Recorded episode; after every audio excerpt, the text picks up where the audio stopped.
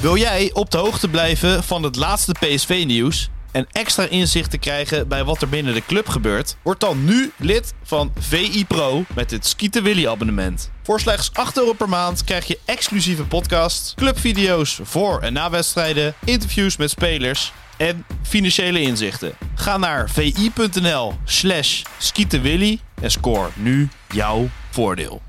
Van die afstand, een meter of twintig, kan Willy van der Kuilen verschrikkelijk goed schieten. Schieten Willy, zo hard als ze kan. Ja, een goal, dan is hij door het net heen gegaan. Niels scoort. Van Nistelrooy. Is dit zijn tweede explosie? Dit is zijn tweede explosie en nu is het dik in orde. Madueke, Madueke. Ja! Hij kwam schieten. Oh, wat een schitterende goal. Het is een eh, verdrietige week, Ja, Björn. ja, Laten we maar gewoon dat meteen vaststellen. ja. En ik rij hier naartoe, naar jou toe en dan hoor je alles eh, op de podcasts die ook deels en groot deels in teken staan van eh, Thijs Legers. Dan hoor je al die anekdotes weer van verslaggevers die met hem te maken hebben gehad. En dan ga je zelf weer nadenken over je eigen bevindingen met Thijs als collega bij Voetbal International en als perschef van PSV. Eh, Ik denk dat we het daar toch uitgebreid over gaan hebben. We hebben een, eh, we hebben een gast. Ron is de, de, de zoon van eh, jouw bokstrainer. Nou, in ieder geval mijn trainer, maar iemand die daar ook traint. Oh, die daar ook traint. Ja. Ik zag hem net, hij zag er sterker uit dan jij. Is hij ook? Nee, dat is een beetje overdreven. hij zei gelijk, Björn is veel agressiever. Ehm, we gaan even bellen met Toon Gerbrand straks. Ja. Die, die heeft Thijs natuurlijk heel lang bij PSV meegemaakt. En die heeft daar vast hele Die Mooi- heeft hem bij mooie- eh, VI weggehaald. bij VI weggehaald, naar PSV gehaald. En mooie, mooie verhalen over hem, mooie herinneringen. Hoe heb jij het eh, tot je genomen? Hoe hoorde je het? Nou ja, ik, het is, eh, ik zat heel, vorige week elke keer dat ik dacht... Dat ik, ik dacht, ik wil hem eigenlijk even een berichtje sturen. Want ik moest vaak aan hem denken. En ook aan, aan, aan zijn familie natuurlijk. Want ik zag nog wel voorbij komen op Instagram dat hij langs het voetbalveld zat. Bij zijn, bij zijn zoon ook. ja, eh, ja. En, eh, en, en eh, ja. Maar toen dacht ik ook, ja, moet ik daar, is dat, moet hem ook eh, ergens een beetje mijn rust laten, weet wel. Nou met en toen hoorde ik van El, die, eh, die, eh, die had het nieuws eerder, die kreeg het op telefoon binnen, denk ik. Dus die, eh, die, die eh, belde mij meteen even. En dan toch schrik je dan op de een of andere manier. Hè? Dat je denkt, god, non de is wel snel. Het is zover. Eh, Inderdaad, nu is het zover. En dat is veel sneller gegaan dan je eigenlijk nog gedacht had. Omdat Ja, je, ja, dat bedoel ik. dat je natuurlijk nog die show, daar was je bij. Ja. En toen, um, en dat- ik weet nog dat ik toen ik binnenkwam, eh, toen de ruimte waar ik was, daar was, was een groot scherm. Ik zei, ah, je ziet er goed uit. Ja, we hebben best wel wat make-up ook, maar eh, en ik merkte toen die avond het is natuurlijk wel slopend voor. Maar ehm, ja, we hadden het er net over. Als iets, als iets eh, kenmerkend voor uh, Thijs was zo'n ongekende energie. Dan moest ik ook aan denken dat ik een tijdje terug nog het laatste wat ik echt zeg maar, actief met hem gedaan had. Er was iets voor sponsoren. En dan moesten wij een paar ruimtes af. En dan deed hij mij een beetje interviewen. En dan eh, gingen we weer door naar de volgende ruimte. Maar dan is ook, eh, ondanks dat hij... Het ging toen... Dat was wel al een tijdje geleden voordat het... eh, voordat ik hoorde dat, het, eh, dat hij dat slechte... Dat was voordat hij het slechte nieuws had gekregen zeg maar. Maar zo energiek als dat ook toen ook ging. En fijn en gezellig, dan, de- ja. Dus ik moet er ook niet te veel bij stilstaan nu, want dan, eh daar is, daar, eh, vooral ook met het idee van, eh, dat je ook een gezin achterlaat, hè. 46, hè. We zijn even oud. Het is nogal. Dus dat, ik zet nou alles een beetje uit bij mij. Dus Ben je daar heel eh, gevoelig voor? Ja. ja. dus dan moet ik daar. Je ja, maar wie niet? Maar, Nou ja. Dat is toch gewoon. eh, als, je daar, als je daar echt bewust nou bij stil gaat staan, dan. Nee, maar jij kan het, het kan zo binnenkomen bij je dat het, Ja. dat het je verstikt. En, Ja. ja. Dus dan, maar ik kan het dus ook wel redelijk zo houden zoals het nu is. Je zegt van eh, je energie, die wordt ook in al die podcasts. En, en als aan Thijs denkt, hè, je hebt zo'n eh, ja, zo'n uitdrukking, zo, dat gaat bij ons wel eens in de, in de familie. jongen, Hij is, hij is zo druk als een klein baasje. Nou, als er iemand druk als een klein baasje was, dan was het Thijs. Eh, Je had, eh, vroeger had je Asterix en Obelix. En een van die twee die was in een, eh, in een pot met toverdrank eh, gevallen, waardoor hij zo sterk was, geloof ik. Ja, Thijs was in, eh, in een ketel eh. Red Bull eh, gevallen en die heeft hij helemaal leeggedronken. Ja. Onwaarschijnlijk wat had die man energie. En eh, ik heb natuurlijk lang meegemaakt als, eh, als collega bij Voetbal International. Vanaf 2001 kwam ik daar. Hij zat er toen al. Hij was begin, hij was begin 20. Denk ik. En, eh, en dan heb ik toch, als ik, als ik erover nadenk. En aan hem, een bijzondere jongen. Ja, We hebben een hele bijzondere jongen. We hebben geregeld, als, toen hij perschef was, hebben we geregeld ook wel onze, onze dingetjes gehad samen. Daar zal ik straks nog wel wat over vertellen. Maar wat ik vooral, wat ik vooral zo bewonderde, eigenlijk al vanaf het begin, was zijn, eh, was zijn tomeloze ambitie. Hij had, hij, had een, hij had een stip. Ik, ik wist helemaal niet wat dat inhield, Jos, journalist van Voetbal International. nog steeds niet echt. hè? Nee, nog steeds niet echt. Ik wilde gewoon echt leuk leven. En, eh, en alles wat op mijn pad kwam, dat nam ik wel. En dan maakte ik een fout en daar leerde ik van. Of ik maakte geen fout en dan had ik het ook goed gedaan. Dus dan linksom of rechtsom kwam het wel goed. Maar Thijs had een stip op de horizon gezet. En hij wist precies hoe hij daar moest komen, wie hij daarvoor nodig had, wat hij daarvoor moest doen. En liet zich door niks en niemand tegenhouden. En dat heb ik zo bewonderd. Hij had een eh, gigantisch telefoonboekje, meteen al. Dat, dat is voor journalisten heel belangrijk natuurlijk, dat je iedereen kan bellen. Nou, hij kon ook altijd iedereen bellen. En hij werd, het werd hem ook niet altijd even makkelijk gemaakt in het begin. Ik heb wel eens gezegd dat Derksen wel eens zei van... en heeft ons kleine provinciaaltje Ja, ja. ook nog leuke ideetjes? Ja. Dat je wel eens dacht van, moet dat nou zo? Ja. Aan de andere kant, het was ook een andere tijd. Hè? We praten over twintig jaar geleden. Je werd ook een beetje opgevoed door, eh, door de snor. Je werd een beetje hard gemaakt. En Thijs heeft, die kon daar, die kon daar, ik weet eigenlijk niet zo goed of hij daar eh, last van heeft gehad, maar hij kon daar heel goed mee overweg. Want hij zette het om in een soort brandstof om die ambitie die hij die, die die had te verwezenlijken. En die ambitie had hij niet alleen bij VI, maar ook bij PSV. Ja. En de ambitie bij VI was, ik word een van de sterverslaggevers van Voetbal International. Nou, me dunkt dat dat gelukt is. ja. Dus hij, kwam dan, hij kwam dan binnen. Op maandag hadden wij, ja, helemaal in het begin van VI, toen ik daar kwam, was internet nog niet zo groot. En dan hadden we nog een knipselmap. Dan had je, Tom van Hulsen was dan eh, een soort van redactiechef, uh, adjunct. Die kwam dan, eh, nee, ik deed een PSV bijvoorbeeld.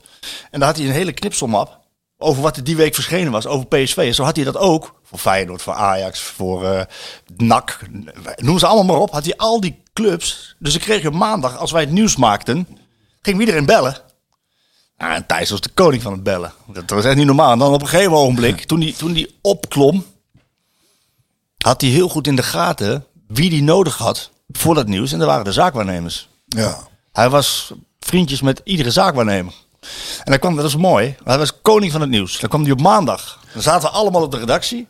En dan kwam de kleine, te wachten. ja, dan kwam de kleine mannetje kwam de redactie op. En dan zei hij, wie doet de Sparta? En dan iemand, ja, ik doe Sparta. Eh, die en die komt eraan, die gaat weg. Eh, de trainer staat onder druk. Dit heb ik gehoord. Dat... En zo ging hij bij elke club ging hij even langs. Omdat hij al dat nieuws tot zich had genomen. En dat, was, dat vond hij een prachtig moment volgens mij. Maar die, dat, dat je daar van al die clubs... eh, Hij wist alles.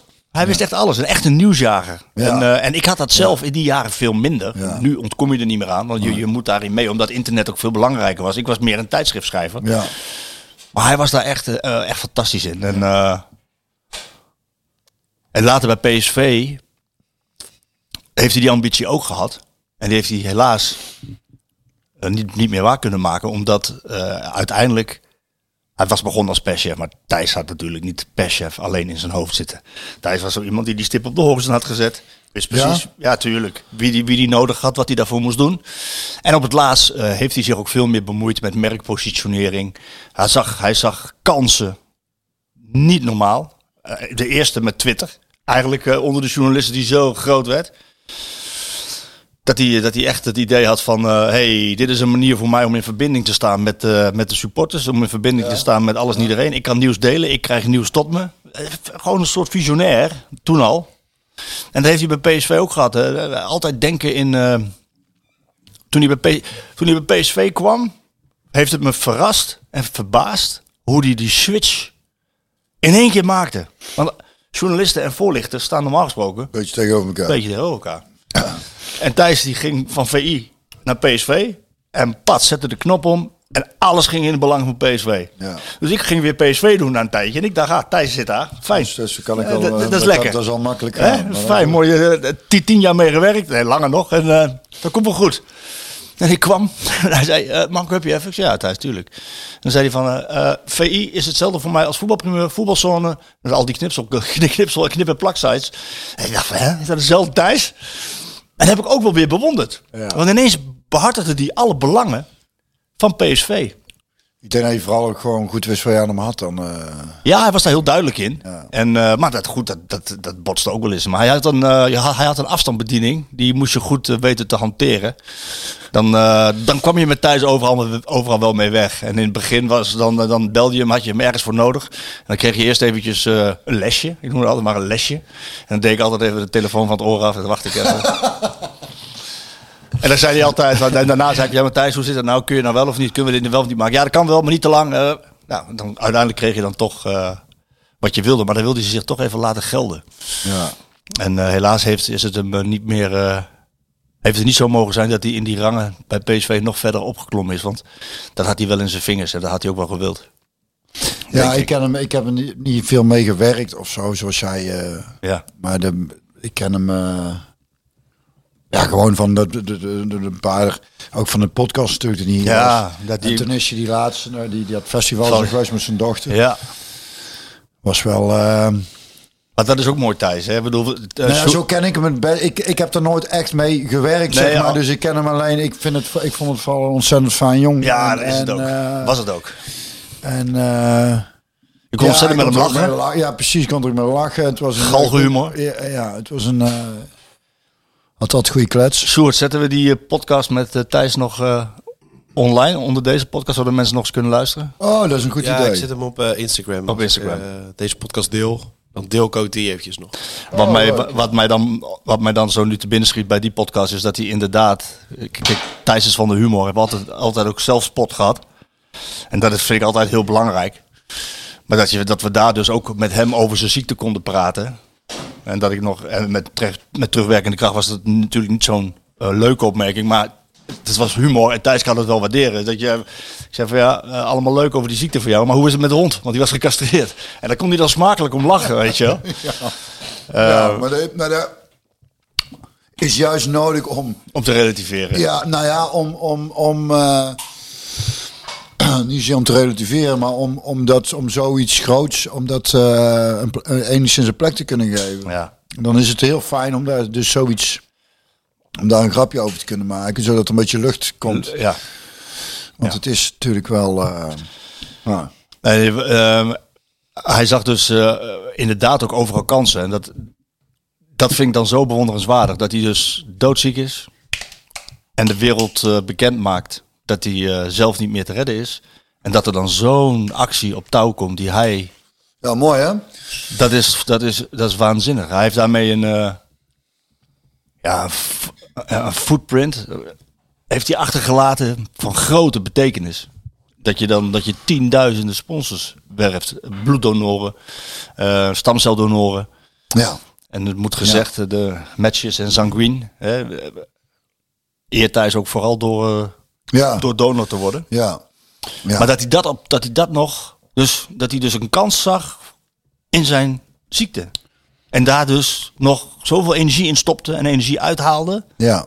Ja, dus ik vind dat zo bijzonder. Ja, ja, heel mooi. ja. En ik denk dat het hem zelf dan ook wel weer geholpen heeft in heel dat Proces. proces. Dat je denkt, ik wil toch niet iets. En dat is het ook, denk ik. Hè? En, want dan heeft het idee wat ik had, dat was dus dat hij dat zeg maar nog had. En dan die, die laatste avond daar eh, bij, eh, of ja, laatste avond, eh, de, die avond bij PSV om nog donoren te werven in het stadion. En dat, dat was een soort laatste publieke actie voor, volgens mij. Hè? En toen dacht hij, nou, eh, nou, ga ik, nou is het alleen eh, mijn gezin nog. En de mensen om heen. En dat, dat, vind ik, ja, dat is mooie manier om, eh, om het voor jezelf eh, af te ronden. Want daar is het dan. Je, Ja. je weet gewoon van, nou ja, het Ja, is ja. nou... eh, En dat je dat nog, dat je dat nog, dus terwijl je eigenlijk kan zeggen, ik richt me op mijn familie en gezin, probeer daar nog wat van te genieten van de kinderen en dergelijke.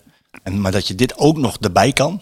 Want het was, hij deed natuurlijk ook ik denk dat het hem juist heel veel kracht Ja, gegeven dat heeft hem veel kracht energie. Want tenminste, daar heb ik het dus ook nog wel met hem over gehad toen. En, en En hij vond het mooi om in het middelpunt van de belangstelling te staan. Hè? Dat vond hij ook mooi. Ja, ik denk dat hem dat, dat hem, eh, zo- zoals die avond, dat hem daar ook wel, ondanks het heel vermoeiend was, ook energie heeft gegeven. Zo, en een soort, ja, nog een laatste grote daad kunnen doen door zoveel donoren te werven. Ja, dus ze zaten gisteren bij, eh, bij Op 1.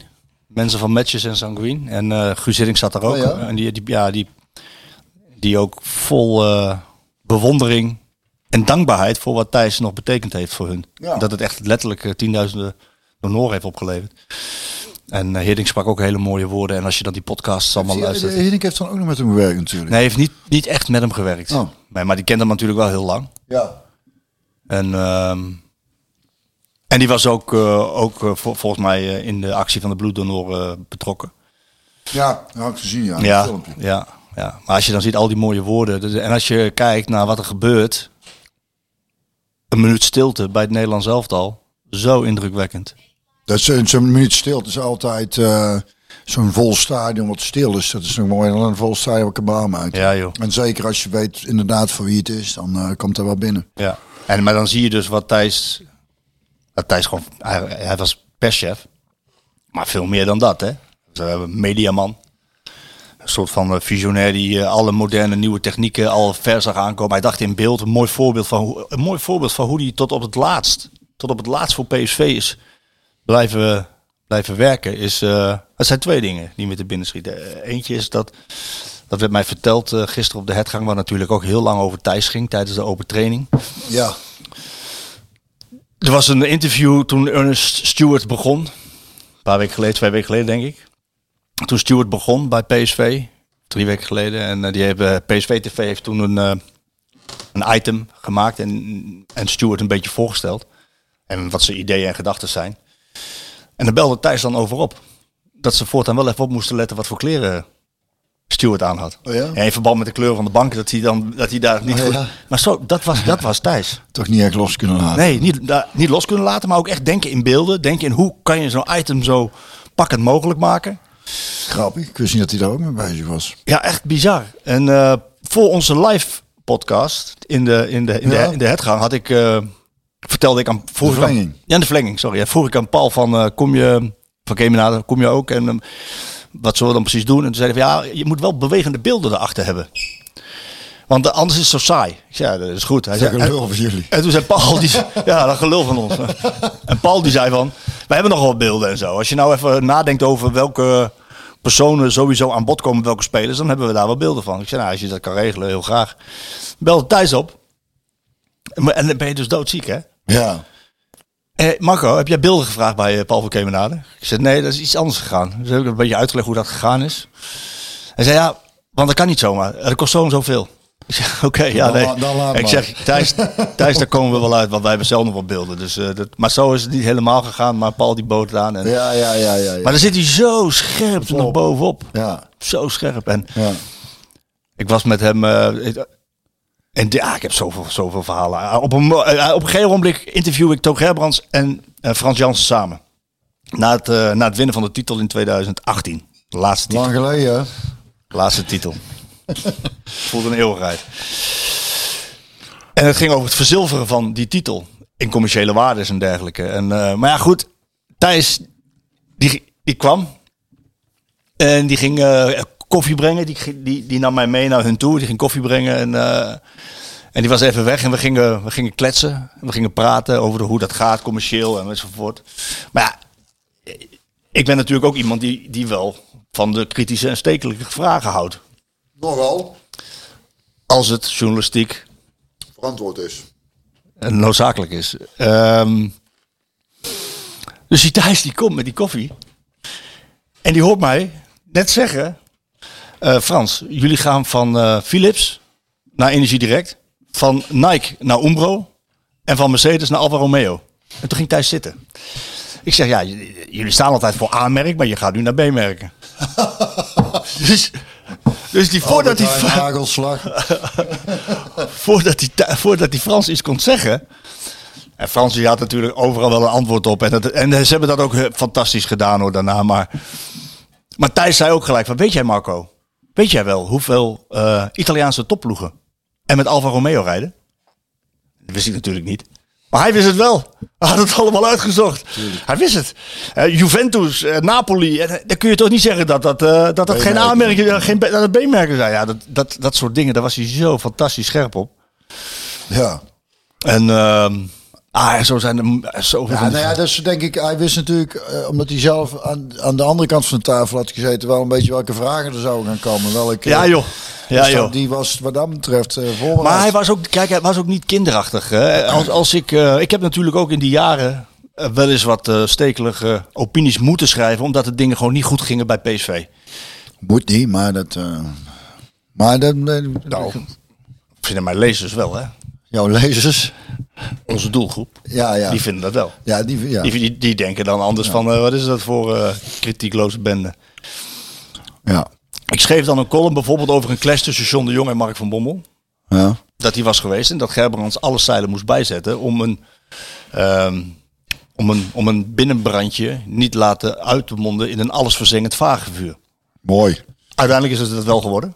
Werd uiteindelijk het allesverzengend Ja. vagevuur. Ja. Maar dan belde Thijs niet. Dat, dat was dus het meest stekelige column. Dan liet hij jammer En nee, dat, dan belde hij dus niet. Want dat, dan wist hij, dat is een opinie. Is een column, is een mening, hoef ik niet over te bellen. Maar over andere dingetjes, hele lullige... Feitjes. Ja, dan kon hij zo weer eh, kon hij zo Ja, bellen. maar dat kan je wel eh, voorstellen. Dat, dat, eh, want er wordt natuurlijk veel geluld, hè. En heel veel onzin. Feiten die gewoon niet kloppen. En die dan maar gewoon als waarheid de wereld ingeslingd worden. Ik zeg niet door jou, maar...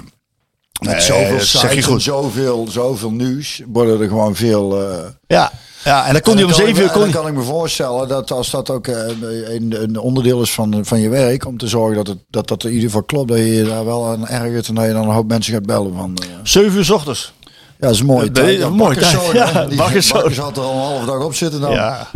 ja nou, de, ik, ik moet, kan me nog herinneren dat een... eh, hij, hij, hij, had, hij had als perschef had hij meerdere persoonlijkheden. Kon ik, en ik, ik, ik kon daar ook om lachen en ik vond het ook mooi. En want ik ken hem natuurlijk ook als collega. En hij had ongelooflijke humor. Kon je ontzettend met hem lachen. Maar dan, dan de- kon hij ook ineens, als je iemand aan het interview was, op je schouder tikken. Laatste vraag. En dan zeg je, oh, ik haalde hier het bloed onder mijn nagels vandaan. ik. Maar tegelijkertijd, tegelijkertijd, als je op trainingskamp was, dan zorgde hij ervoor dat je eh, na elke training dat er twee spelers tot je beschikking stonden. En dat was bij, bij, PS, bij PSV zo goed verzorgd. Bij Ajax was dat niet. En bij, en bij Feyenoord ook niet. Dat deed hij dan wel heel goed. En dan kwam, die, kwam je aan, was het heet in Qatar. Jongens, water. Hup, meteen water. Koffie, meteen regelen. Dus hij had meerdere persoonlijkheden. Ik zeg, Ja, hij moet natuurlijk ook, eh, eh, wat voor jou vervelend is, maar dat is voor de spelers dan weer prettig. Ja, heel Dus, eh, prettig. Een rol spelen. Dit, hij speelt natuurlijk ook een rol gewoon daarin. ja, ja, dat deed hij ook. Of speelde. Dat deed hij ook. En hij, hij vond het prachtig mooi om tegen die, tegen die top aan te schurken. Ehm, tegen de topspelers. En tegen de top in de directie. Dat vond hij, dat vond hij mooi. Omdat hij zelf ook die ambitie had om, om daar naartoe te gaan. Ehm, Maar wat, welke ambitie eh, had hij dan, dacht je? Dat, nou, ik denk dat hij uiteindelijk wel het idee had om commercieel directeur Oh, te zo, worden. zo, ja, ja. in die rol. Want hij was op het laatst ook bezig met merkpositionering. Ja. We gaan zo meteen even Toon Gerbrands bellen. En dan gaan we er even over, eh, over, over, over praten. Maar één ding nog, dat hij... hij ehm, we waren op een trainingskamp in, ehm, in Orlando. En dan zie je ook dat het soms botst. Maar op wel op een leuke manier. Dus daar zat ik met, eh, met Rick Elfrink, met ehm, Erik van Haren van de Telegraaf. Die destijds op PSV deed. En met Cocu. En we hadden een afspraak dat eh, we zouden met Cocu gaan praten over trainingskamp enzovoort enzovoort. En dan nam Cocu tijd voor ons. Maar na, maar na een kwartier zegt dan Thijs, jongens, we gaan zo afronden, laatste vraag. En dan zeg ik tegen mijn voormalige collega, nou dat dacht ik niet. Ik zeg, Philip zit hier lekker. We zitten hartstikke rustig te kletsen. Wij zitten hier lekker, we zijn net begonnen.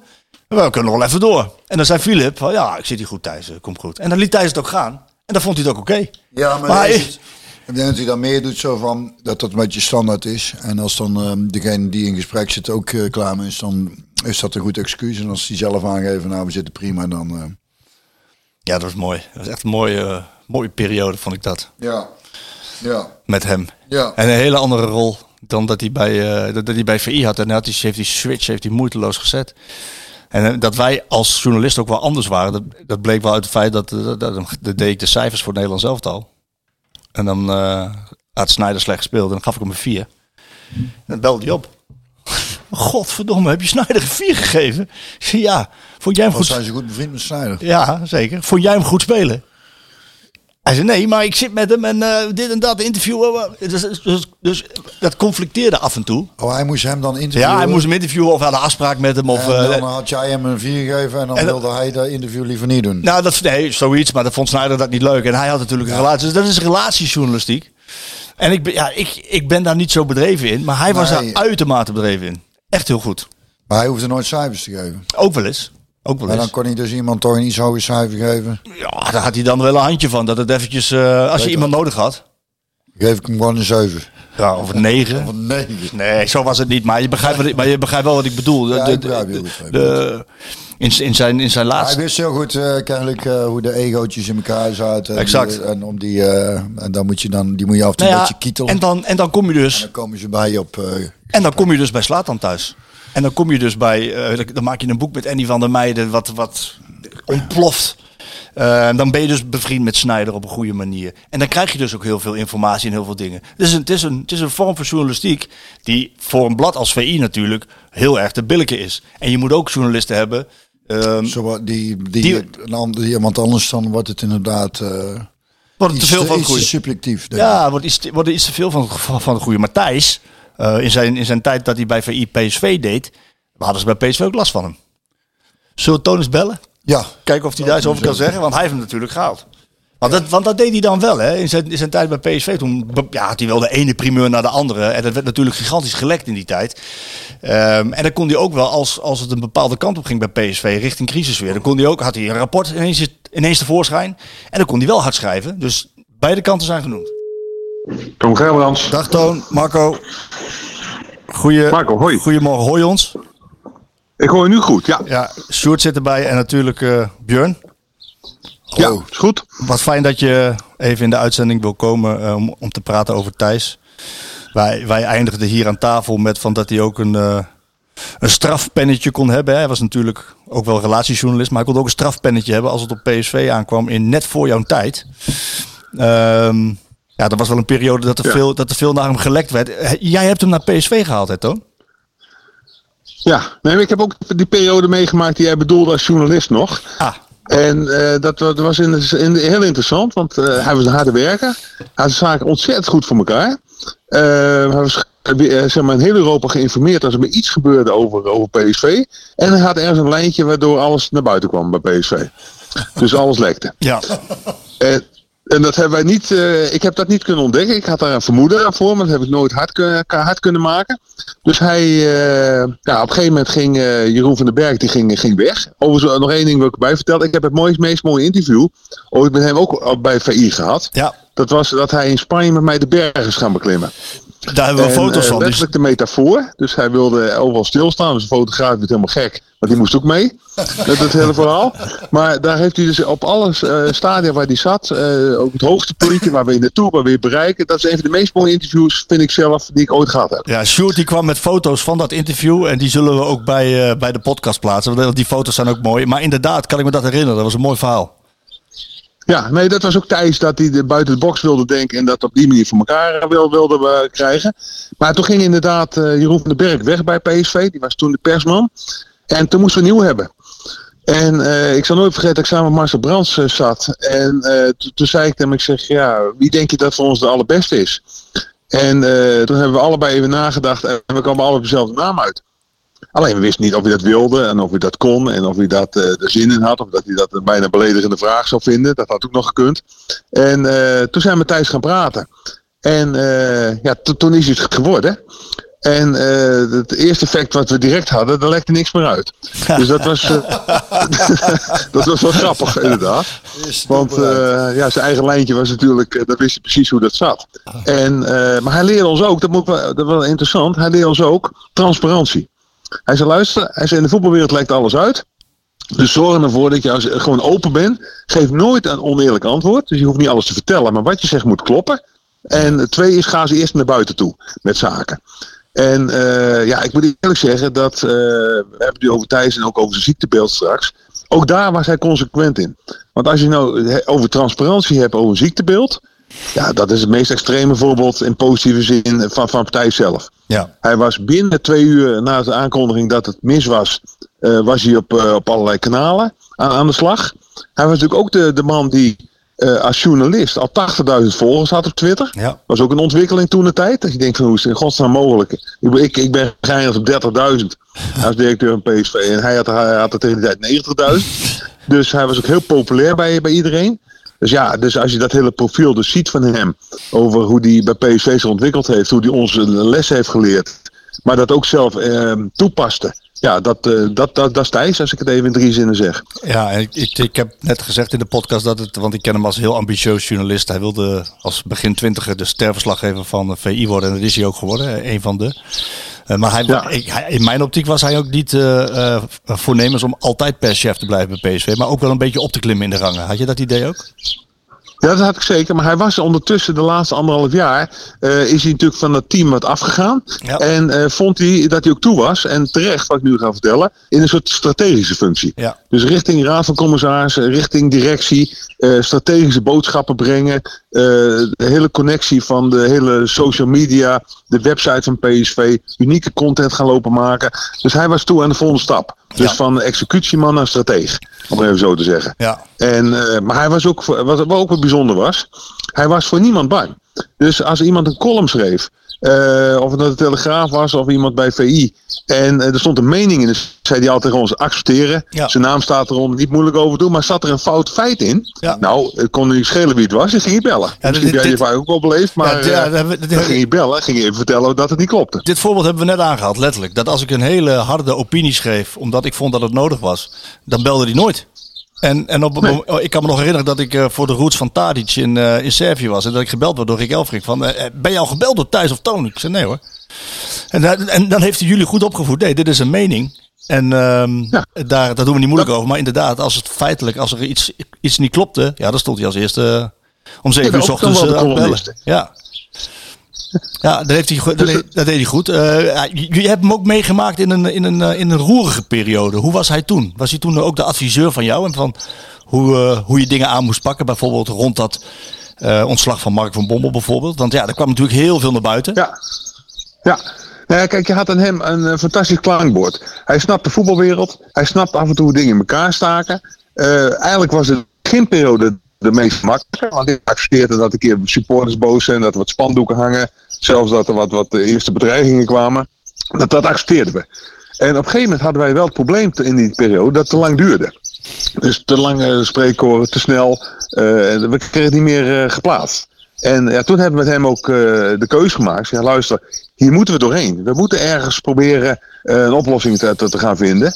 En uiteindelijk heeft dat geleid tot een avond waar de tien mensen van de verschillende vakken en wat harde kern enzovoort bij elkaar kwamen op mijn kamer.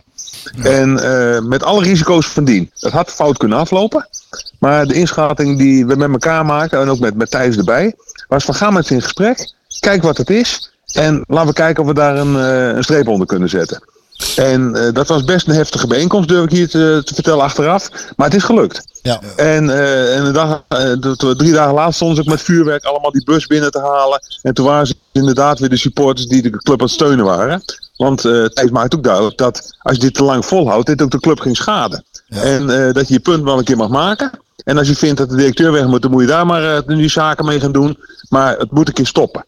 En daar had hij een feilloos gevoel voor. Om enerzijds de ruimte te laten om boos te zijn. En anderzijds op een gegeven moment ook weer door met elkaar. En dat is, ja, dat is achteraf bekeken feilloos gelukt. En Wat is nou het, het meest memorabele toon wat je met Thijs hebt meegemaakt? Ehm, nou, de, oh, de gesprekken die ik had toen hij doorhad dat het mis was. Oké. Ehm, eh, het is zo dat ik ben bij, bij hem thuis een aantal keer geweest. Ehm, ja, dan kom je zijn zoontje tegen, dan kom je zijn vrouw tegen, dan kom je dat gezin tegen. En eh, nou, daar is dan heel veel emotie en eh, verdriet en ja, ook gevoel soms van, van een beetje oneerlijkheid over hoe het zat. Maar ook daar moet ik zeggen, alles wat wij typeerden over Thijs, deed hij op dat moment ook. Dus hij wilde 100% zeker dat de feiten klopten. Dat zijn gezin daar kon blijven wonen. Dat het financieel goed was geregeld. Dat het voor zijn zoontjes en, do- en dochter goed was geregeld. Allemaal dat soort dingen. Dat moest worden georganiseerd. En eh, het feit dat hij inderdaad met zijn oproep die echt uit de hand gelopen is in positieve zin. Zei jongens, wie wil er eh, ook s- stamdonorschap accepteren? Ja, dat heeft hij zelf, dus vertelde hij later ook zwaar onderschat, wat dat heeft betekend. En dus met andere woorden moet je kijken dat een perschef van PSV, die dit voor elkaar krijgt, die straks eh, een plaats in het stadion krijgt, eh, waar dus eh, denk ik heel honderden, misschien wel duizend mensen langs gaan lopen de komende zondag. Ja, dan, dan heb je iets betekend. Ja. Want de gemiddelde perschef, ik denk dat dat uniek in de wereld is, denk ik zelfs, dat de perschef deze manier eh, hoe heet het, ja, de eer krijgt die die, die ook verdient. Ja. Dat is heel bijzonder. Ja, dat is, is, ook, is ook zeker heel bijzonder. Ehm, ja, bij ons kwam het toch nog binnen dat hij dan... eh, ik had hem twee weken geleden nog aan de telefoon. En barstte hij ook een huil uit en ik ook. Dikke tranen allebei. En dan komt het toch nog binnen Ja. als je weet van... Nou, eh, dit gaat eh, verkeerd aflopen en het is ineens weg. Dan komt dat toch nog binnen terwijl je eigenlijk al ziet aankomen. Hoe, hoe heb jij dat eh, ervaren? Dat heb ik precies hetzelfde gehad. Kijk, ik, heb, eh, ik, eh, ik ben denk ik nog iets ouder als jij bent. Dus je maakt een aantal keer in je leven mee dat er iemand het niet redt. En dan is rationeel is het allemaal te plaatsen. Dan op een gegeven moment heb je door, ja, dit gaat nog een paar dagen duren. En elke keer heb ik meegemaakt dat als dan iemand belde. Want zijn vrouw belde, hij was om half elf begreep ik overleden. Om half twaalf belde Sylvia mij al op. Omdat ja, we hadden wat dingen voor haar voor het gezin betekend. Dus ze wilde het gelijk even zelf vertellen. En dan is het toch een klap. Terwijl je rationeel weet, er komt een keer een telefoontje dat, dat, eh, dat het afgelopen is. Ja. dan moet je even je auto aan de kant zetten. Ja. Ja, En even naar een benzinepomp rijden en eventjes eh, even stilzitten. En dan, eh, ja, dat, dat, zijn dus, dat, dat is toch een klap. Eh, want dan is het onomkeerbaar. En, dan, eh, en om als rationeel weet je het, hoe het in elkaar steekt. Maar ja, dat, dat is het definitieve moment. En dat is elke keer dat je een leven meemaakte, is dat heftig. ja. ja hoe, hoe zal Thijs herinnerd worden, denk je?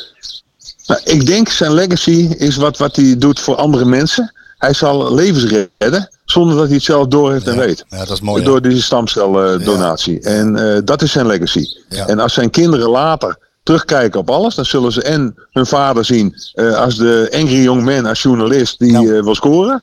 Ze zullen hem zien als strateeg. Maar ze zullen ook zien dat hij in de meest moeilijke fase van zijn leven open was, transparant was. En waarschijnlijk heel veel levens heeft gered. Zonder dat we kunnen precies vertellen wie het is. Ja. Eh, jij zei tot slot, Toon, eh, dankjewel dat jij van de telefoon wilde komen. Jij zei dat hij een plek in het Ja. stadion krijgt. Nou, daar wilde ik eigenlijk ook wel een keer naartoe met Björn zometeen. Ja, is dat, ja, dat is logisch, denk ik, hè, dat er iets komt voor hem. Ja, nou, de- ik ga daar niet meer over, zeg ik altijd. Ik ben dus, dus weg. En, eh, maar dat moet op, op een passende manier gebeuren. Dus het is zo, er zijn, eh, de geschiedenis van PSV eh, is lang en hevig. En er zijn heel veel mensen en spelers en trainers en bestuurders die iets betekend hebben. En ja, voor hem is het, is, is, het iets bijzonders. En je moet er op een slimme en goede manier iets mee doen. En ja, dat, dat kan wezen vanwege die, die legacy die hij nalaat, die ik net beschreef. Dat dat ergens een, een plaatsje krijgt. Maar PSV kende, gaan ze hierover nadenken en iets bijzonders mee doen. Ja, oké. Daar, daar- daar gaan we vanuit. En eh, dan zal hij eh, voor altijd onderdeel zijn van, eh, van de rood-witte PSV-familie. En natuurlijk voor ons bij VI ook altijd de, Ja. de VI-journalist. Dat is- klopt. En, en dat is los van het feit, dat is hij altijd al nu. Los van het feit of daar nog iets extra aan wordt besteed. Want ik bedoel, dat is de uiting die erbij hoort. En als je de rondleiding krijgt hij misschien een plaatsje om eens te vertellen wat hij allemaal betekend heeft. Maar stel, zelfs als dat niet zo zou zijn, hoort hij nu vereeuwigd tot de geschiedenis van PSV. Dankjewel Toon voor de mooie woorden. Ja, dankjewel jongen. Graag gedaan. We Succes spreken. met de uitzending. dankjewel. De Thijs Legers perszaal worden of de Thijs Legers perstribune. Zoiets, ja, ja, ja, dat lijkt me wel, ja. Lijkt me toch wel. Ja, denk het wel.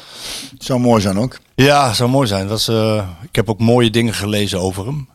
In het Eindhovens Dagblad, maar ook mijn hoofdredacteur en collega Peter Wekking. Waar die ook, die ook Thijs schetst zoals hij echt was. Eh, en ook eigenlijk eh, klinkt dat door in de woorden, in de, in de woorden van Toon. Ja, Eh, echt, een, echt, een, echt een mannetje. Echt een mannetje kon het zijn. ja. Maar tegelijkertijd, met wat hij nu achterlaat, ja, dat is alleen maar heel indrukwekkend. En Ja, ja, we laten het hierbij. ja, dat is goed. Is dat opluchting voor je? Nee, nee, nee, nee. Ik, het is heel mooi juist omdat, eh, en dat, d- d- dat is ook niet voor niks. Hè. Dat helpt ook altijd mee in een, eh, in een proces om nog over mensen eh, te hebben. En, Ja. en, en dat zal ook. eh, ja, het is natuurlijk nu, eh, omdat, het, eh, omdat hij Het eh, afgelopen maandag pas. eh, Ja, dat is allemaal... is, is over, eh, maar, dat, maar dat zal, eh, dat zal ook wel blijven. Dus zijn naam zal nog regelmatig vallen bij PSV ook, denk ik. En, Ja. eh, Ja, ik denk dat het heel En mooi is er een soort, eh, soort eerbetoon... eh, kijk, de, de, de komende wedstrijden zullen allemaal natuurlijk ook eh, deels in het teken staan van zijn overlijden en eerbetoon. Maar dat er iets blijvends is. En, Ja. Even voor de mensen die de podcast luisteren en die niet op internet actief zijn. zondagavond half zeven gaan, de deuren open, meen ik. Oké. In het Philipsstadion. En dan kunnen, ik kan, had wel iets gehoord van zondag, ja, zei El, want ik moet zondag spelen, maar het is zondagavond. Dus anders- zondagavond zou je, als je daar behoefte toe hebt, eh, afscheid kunnen nemen van Thijs. Dat zullen heel veel mensen doen. Ja, dat is, dat is toch iets bijzonders. Hij heeft iets bijzonders. eh, het was een bijzondere. Ik wil steeds zeggen jongen. Grappig hè? Ja. Voor mij, was- ik, was, ik ben niet ouder. Is maar- het ook eigenlijk? Ja, man. Grote man. Jonge man. Klein veentje, grote man. Ja, grote ja, man. ja, ja, Ja, ja, ja. Sterke kerel. Ja. Dat hij op het, op het laatst dus kansen zag.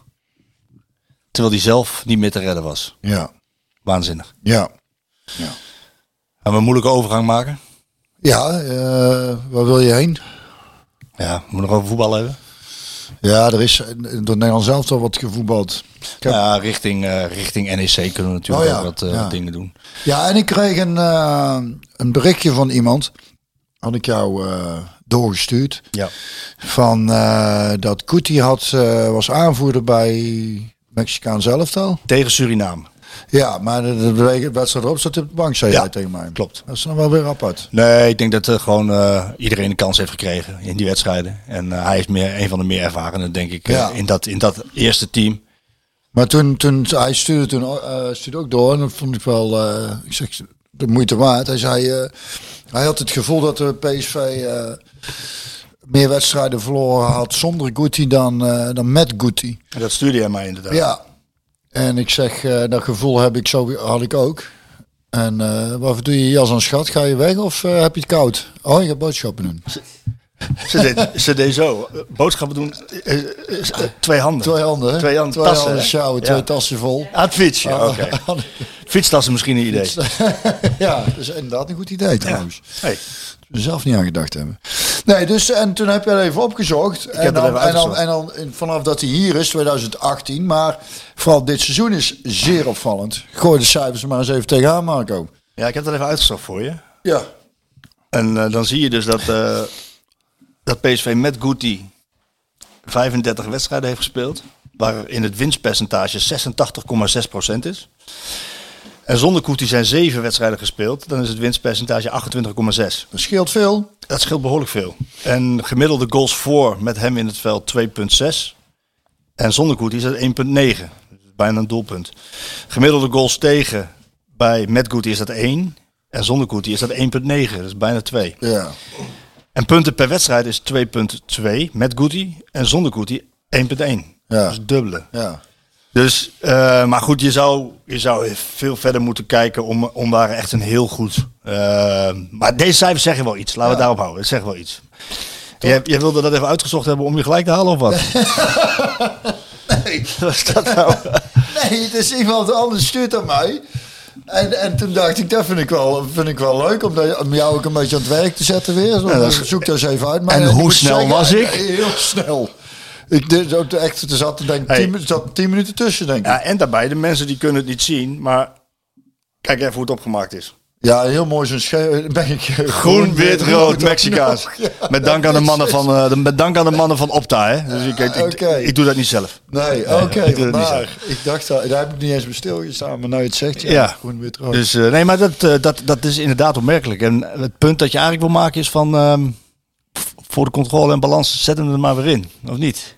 Ja, dat, eh, dat, dat, eh, dat was een beetje mijn, eh, mijn punt. Ja. Dat, ik heb hem misschien, ja, ik, ik denk dat het wel, eh, ook wat ik zei over toen het laatste was. Maar we gaan nou naar NEC toe, dus ik ben benieuwd. Want ik las ook dat eh Veerman was ook ziek geworden. Dat is ook Ja. wat met zo'n Nederlands elftal. Dat ze dan allemaal een verkeerde kip carry op hebben. Of allemaal een deel. Een deel, ja. ja. Nou ja, goed, eh, dat wordt ontkend dat het Kip Carry is, want Van Dijk had ook Kip Carry en gegeten. die was, die was niet ziek. Dus eh, dat- het was wel een, eh, ik denk iets van een buikgriep. Hè? En, eh, Ja, want dat heerst ook allemaal. Hè? Veerman was op zondag nog aan de diarree. En op maandag was hij al wel weer bij de club, maar trainde hij niet. Dus ik denk dat hij er wel bij is. Dat hij, dat hij gaat redden. Maar ik was gisteren op de headgang en dan zit je te kijken. En dan... Maar best wel, ik las in krant wat blessures en toestanden. En... Ja, Brentwaite, Brentwaite die trainde apart van de groep. Uh, nou, Obispo trainde het niet. Uh, daar ga ik iets over zeggen, maar die, die, die lijkt einde seizoen. Ja, dat las ik. Maar wat heeft hij aan zijn knie? Knieklachten. Ja, maar... ja dat, dat wordt dan vanwege privacy redenen niet bekendgemaakt. Maar ik denk, als ik het zo beluister, dan is hij over twee maanden terug. Maar dan, oh. is, dan is het seizoen voorbij. maar hij krijgt deze week nog een medische check-up om, uh, om dingetjes uit te sluiten en, uh, en te kijken. Maar hij, hij is er dus niet bij. Maar goed nieuws is dat Bosgagli er weer bij is. PSV heeft een oefenwedstrijd tegen Anderlecht gespeeld. Die hebben ze gewonnen en Bosgagli heeft bijna de hele wedstrijd gespeeld. Dus die kan links centraal, zou die ja. ze weer terug kunnen keren in de basis. Wel een jongen, ja. wel een jongen die bekend staat om, uh, om zijn spel aan de bal. Dus dat zou de opbouw van achteruit best ten goede kunnen komen. Als Brent nee, hij heeft al lang niet gespeeld, hè? Hij heeft lang niet gespeeld. Maar hij heeft... is hij er wel niet uitgegaan. Ja, heel ja, maar je weet het, kruisband. Oh ja, kruisband, Dus ja. dan weet je... Sowieso negen maanden. Ja, en dat is bij hem wat langer geworden uiteindelijk. Uh, maar goed, hij, hij heeft dus een hele wedstrijd tegen Anderlecht gespeeld. Dus hij is ook wedstrijdfit en hij zou zomaar kunnen gaan spelen. Ja. Als weet het niet redt. Nee. Um, El Ghazi was voor zichzelf aan het trainen. Dus dat is... Uh, en Benitez, die is weer was, ik, ik zat te kijken gisteren. Hij trainde nog niet met de groep mee. Maar hij werd flink onder handen genomen door de keeperstrainers. En dat ging uh, volop. Dus ik denk dat die, uh, die zou kunnen gaan spelen, denk ik. En dan gaat Drommel weer keeper tegen Spakenburg. Ja. Volgende week dus komen wij direct naar Spakenburg. Die wedstrijd. Woensdag, dinsdag is die wedstrijd. Woensdag, oh. woensdag uh, komen wij dan. Spakenburg mag toch geen probleem zijn, mag ik hopen, toch? Nee, maar... Rond, Rond die kijkt... Als mensen, als nou een camera op stond, Ron die draait zijn hoofd, draait zijn hoofd weg en die denkt, nou, ik weet het niet hoor. Ik sta nergens meer van hey, Ron, kijken. Geef vertrouwen in. Eerst NEC, hè? heb je daar vertrouwen in? Uit, hè? Uitwedstrijd. Nee, schudden met zijn hoofd. Nee, je weet het niet meer. Dat is een beetje de ik vertwijfeling die, die, ik, uh, die ik proef bij heel veel uh, PSV'ers. Ja, ja. Dat heeft, dat heeft vooral te maken met wat, uh, wat er gebeurt. Natuurlijk met het hele seizoen. Maar vooral ook met wedstrijd Vitesse. Als je daar naar die wedstrijd hebt gekeken, we hebben het natuurlijk vorige week al over gehad, maar uh, daar is ja, ja, het is een, het is natuurlijk te vaak geen ontwikkeling. Te, nou ja, te vaak voorkomende seizoen. Dat is een beetje het probleem. Dus je kunt een keer een glijer maken, maar het is als je kijkt tegen welke ploegen je uh, verloren hebt of punten hebt laten liggen, zo bijna, hoe slechter ze zijn, hoe banger het er bijna van wordt.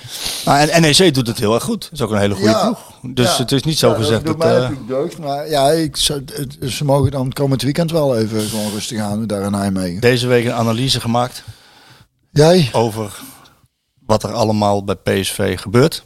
En En? waar, bij mij, waar het volgens mij aan schort, waar het mis is gegaan. Wat er beter moet en hoe het volgend seizoen zal gaan.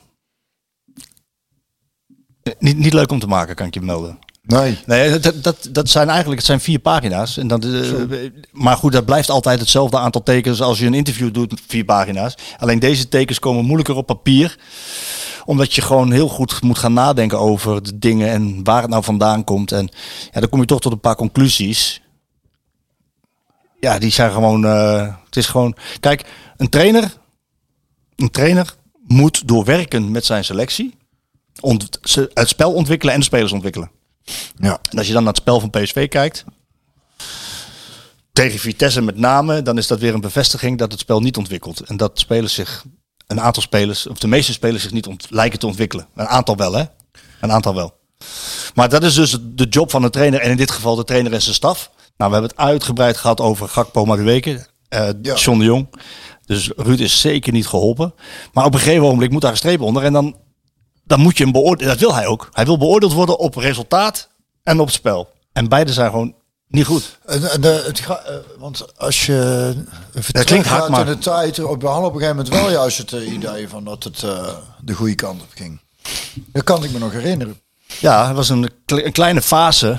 Dat, dat, we, dan, dat ik dacht, kijk, dit gaat nou vorm, begint vorm te Ja. krijgen. We- daar En toen werd Gakpo mensen- Madueke verkocht. Ja. En toen werd het Sparta, Fortuna, eh Emmen kwam eh, eroverheen. Ik denk dat, ze- dat, die, dat, ze die, eh, dat die klap een beetje onderschat is. Hè?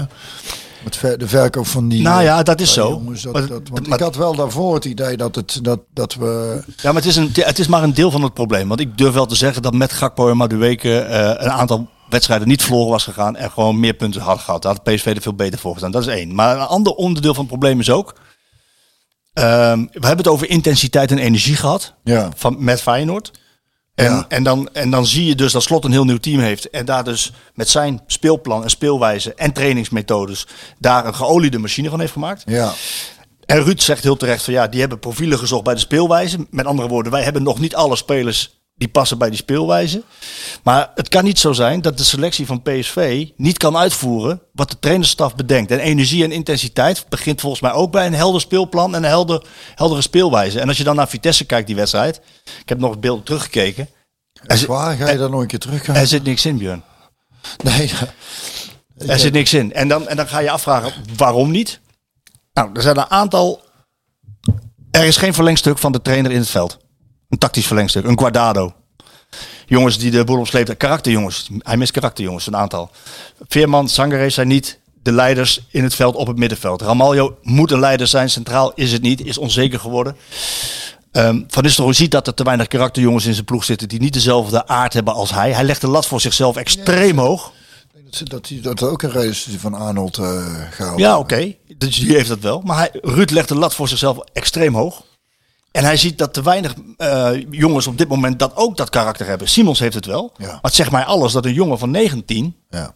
ook verbaal de kar moet gaan trekken. Ja, dat kan natuurlijk niet. Dus daar zal iets moeten gebeuren. Tegelijkertijd heeft hij last gehad van de erfenis Schmid, zoals hij zelf zegt.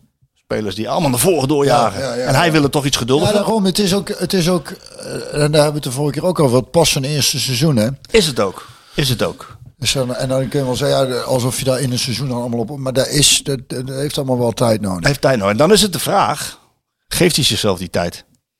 Ja, dat denk ik wel. Je gaat er niet na één seizoen zeggen, dan maar. Nou ja, hij heeft wel getwijfeld in dit seizoen al. Wat? Ja, over, over of hij zijn ploeg kan laten spelen zoals hij het wil. En, en, die, en dat- die twijfel die komt natuurlijk voort uit... Als een trainer gaat twijfelen, gaat hij wisselen. En als je herhaaldelijk ziet dat een ploeg niet speelt zoals jij het wil... of zoals je getraind hebt... dan... En je, en, je, en je hebt geen kwalitatief goede spelers teruggekregen voor degenen die vertrokken zijn... dan ga je... En je, bent dus, je blijft dus zoekende, dan ga je wisselen. Guti erin eruit. Deze erin eruit. Obispo erin eruit. Guus Til erin eruit. Savi op links, Savi op rechts. Savi op 10. Eh, Veerman even op de bank plaats, eh, plaats moeten nemen. Ehm, Luc de Jong niet, is een leider in alles, maar hij heeft last van het feit dat er geen flanken zijn die hem heel goed bedienen. En als je dat, dat bij elkaar veegt, dan al die wisselingen hebben het spel en de automatismes en de vastigheden niet, is niet ten goede gekomen. Dus dat mag je hem, dat mag je hem aanrekenen. Hij wil dat overigens zelf ook. Hij wil als topsporter behandeld worden. En in de topsport word je afgerekend op resultaat en ontwikkeling van spel. Beide zijn op dit moment niet goed genoeg. En hij, hij heeft zichzelf de vraag gesteld, zeker van eh, oké, eh, en nu? Hij heeft, hij heeft zich ook een tijdje alleen gevoeld. Hè, na het vertrek van John. Ja. er is Ehm, veel gebeurd allemaal. er is veel gebeurd. Dus Dat niet vergeten. Nee, er is ontzettend veel gebeurd. Ontzettend veel gebeurd. Maar de, de vraag is dus, wat moet er gebeuren om het in het tweede jaar, als hij niet, als hij, als- ik neem maar dat hij niet stopt. En er is wat, er zullen wat wisselingen, verwacht ik, plaatsvinden in de technische staf. Ik schrijf daar ook iets over. Maar dan? Nou ja, als je gaat bellen in het omveld van PSV, dan, dan krijg je informatie. En ehm, Ja, en wat zegt die informatie? nou ja, dan krijg je wel te horen dat niet iedereen altijd even goed accordeert met elkaar. Ehm Accaderen kunnen leren. Accorderen kennen leren. en tegelijkertijd, ehm, en dan moet ik het eventjes goed zeggen, als je, als je als assistent-trainer of assistent of wat dan ook niet in staat bent om voortdurend dat te leveren door omstandigheden, niet in staat bent om voortdurend dat te leveren wat Ruud van Nistelrooy nodig heeft, ehm, dan moet Ruud zichzelf de vraag stellen, met alles wat ik nu zeg, van is dit de staf Waar ik mee... eh, die mij versterkt? ja, ja. Want als dat niet zo is, en het proces zoals hij het in zijn hoofd heeft, wordt mede verstoord omdat hij druk is met allerlei andere dingen. Kun je daar iets meer over zeggen? Nog Nou ja, iets gedetailleerder? Want Nee, dat wordt lastig. Maar, mij, ben maar, heel maar benieuwd al- nou, dat, als dat proces verstoord wordt, wat hij in zijn hoofd heeft, dan is hij te veel energie kwijt. aan daar eh, de Ah, boel... eh, ja, en, en, en dan moet hij ingrijpen. En ik denk ook, ik denk dat uiteindelijk dat er ook iets in die staf gaat gebeuren. Dus moet Stuart, Stuart moet eerst ervoor zorgen dat Simons in Eindhoven blijft. Ja, Daar een team omheen bouwen met meer karakterjongens die de aard van Van Nistelrooy hebben. ja. Want die level, ja, Ruud levelt soms natuurlijk niet. Want die heeft natuurlijk Manchester United, Real Madrid, top Ja, Nederlands dat is qua, qua ja. denken extreem in alles. Hij eist van zichzelf alles. Dus daar zal, daar zal iets in die moeten. Ja, en ik noem het Quadrado net, maar er zijn natuurlijk wel meer jongens eh, te verzinnen die dat hebben. Moreno en, eh, Alex. Eh, weet je wel, dat soort ja, stamfiguren. Jij noemde Søren Lerby, Jan Wouters. Ja, dat soort figuren. Ja, dat soort figuren die, die, hem, die hem snappen. Die, die, Bommel. ja, van Bommel. En, en dat, dat, dat zal Stuart moeten gaan doen. En dan zal er iets in die stad moeten gebeuren. Tegelijkertijd eh, worden het examenmaanden. Ja, Volgend jaar direct. Ja. Want, want als, als het niet direct goed gaat, dan wordt alles uit dit seizoen erbij gehaald. En dan gaat PSV afscheid van hem nemen. ja. En nemen ze weer afscheid van een clubicoon. Want volgend jaar zijn er twee plaatsen voor de Champions League. En dan zullen wij En dan, dan zullen wij- moet wij PSV dan bij zijn. Zullen wij het dan gaan doen met z'n tweeën? Nee, want ik ga ervan uit dat. eh, ik ga er, nee, want ik ga ervan uit dat Ruud. Het, ik ga ervan uit dat Ruud het op de rit krijgt. Ja. Daar ga ik vanuit. Ja. Ja, en is het niet dit seizoen? Want dat vind ik ook namelijk. Hè? Als, nou, als nou PSV verliest van NEC. Of ze winnen weer niet. Beetje een uitcomplex, hè? 20 eh, punten laten liggen in, eh, in uitwedstrijden. Ja, dan is, Dan, dan, is het, dan vind ik, dat is een mening, hè? ik vraag me af of jij die deelt. Dan vind ik dat Marcel Brands naar voren moet stappen. En dan moet Marcel Brands voor zijn trainer gaan staan en uitleggen: hey, het is niet allemaal goed gegaan dit seizoen. Wij hebben Gakpo maar de weken verkocht, dat was noodzakelijk. Eh, Dat met John de Jong heeft veel onrust veroorzaakt, heeft, eh, heeft ook niet geholpen. nee, dat We hebben, we hebben niet de adequate vervangers direct klaar eh, gehad. Voor degenen die vertrokken zijn. Ehm, maar wij geloven in de koers die we hebben ingezet. En we gaan door met Ruud. En dan gaan we het volgend jaar beter doen. Dan gaan we alles aan doen. Om mee te doen voor die titel. Want ik vind dat hij een beetje beschermd moet worden. Ja. Ben je het met me eens? Ja, zeker. Zeker, maar daar, hebben- daar hebben we het ook al over gehad. Hè. Het is natuurlijk... eh, ze hebben Ruud ook naar voren eh, Geschoven. geschoven. eh, een beetje tegen zijn eerste emotie in eigenlijk. Want hij, Hij twijfelde. dus hij is duidelijk overgehaald. En dan kun je hem ook niet... en, en dan gezien wat er in een seizoen gebeurd is. Dat je spelers verkoopt. Wat, daar zat Ruud ook natuurlijk ook niet op te wachten. En, en, en John die... Nee. En, dat en daar, daar was hij het allemaal niet mee eens. Dus, Nee. En dat kost ook allemaal energie. Hè? En. Dus er is een, er is een hoop... Maar tegelijkertijd mag je van een trainer verwachten, halverwege maart, want ik, ik, ik, stel, ik, ik stel het nu even hard hè. Tegelijkertijd mag je van een trainer verwachten dat, zeker bij PSV, dat PSV halverwege maart goed en herkenbaar voetbal speelt. En als je dan die wedstrijd Vitesse ziet, dan, dan denk je, wat, wat, wat gebeurt er? Ja, ja, ja, maar dat, Ben ik nou te hard, Ron? Nou ja, zegt, je hebt een beetje gelijk. En, eh, maar, maar goed, ik, het is wel wat er leeft bij de achterban hè, op dit moment. Ja, maar dat is een beetje logisch wat bij wat eh, dat is de, vaak de eerste emotie bij de, de, de achterban is eh, is eh, Ja, dat, en het en we staan al lang droog, hè? Dat scheelt ook allemaal. Dat dus dan, en daar wordt het niet. dan, ik denk dat het ten alle tijden, als er een, inderdaad een, een nieuwe trainer komt, dan kost dat tijd. En, en dan vooral als het dan zo rumoerig is tijdens het seizoen, dat helpt allemaal niet mee. Op verschillende vlakken, als ik het van jou ook eh, hoor. Dus het is, eh, het rommelt dus kennelijk nogal. Nou, Rommel, maar ze hebben, het is ook, het zou heel slecht zijn als er binnen de technische staf van PSV, als het zo gaat zoals het gaat, geen discussie was. Het is een beetje, we hebben een beetje een, een, een, eh, ja, hoe noem je dat? Zo'n, zo'n borderline-achtige team. We vliegen van de ene, van de ene, van het ene uiterste in het andere. Toch? Niet helemaal. Niet helemaal, want je bent uit de Champions League, je hebt speelt geen Europa League, je bent kansloos voor de titel, op, als er tenzij er een groot wonder gebeurt, en het voetbal is niet goed. Dus niet helemaal van ene uit. Je hebt wel, je hebt wel een aantal goede wedstrijden gehad, zoals bedoel- bijvoorbeeld tegen Arsenal. ja, dat bedoel ik. Dus de, qua, qua prestatie. Je probeert, Ron, Ron, Ron die zak, Ron zak zo onder de tafel. Dat is- dat is- je probeert toch een beetje ja, de ene emotie. eh, Wie, Oh, nee, maar dat moet ook. Maar dat moet ook. vaker naar boven dan de andere. Nee, maar PSV moet zich ook verder niet door emotie laten leiden. En die moet Nee, dit seizoen goed afmaken, maar daarna moet het beter. Moet echt, want je kan ook niet, denk ik, je kan niet afscheid nemen van uh, Smit. Het Overigens wilde hij zelf weg, hij wilde niet verlengen. Ik vond de aanstelling van Smit vond ik heel logisch en legitiem. Probeer het gat te dichten met Ajax door onderscheidend voetbal te spelen. Ja, die gaat dan weg.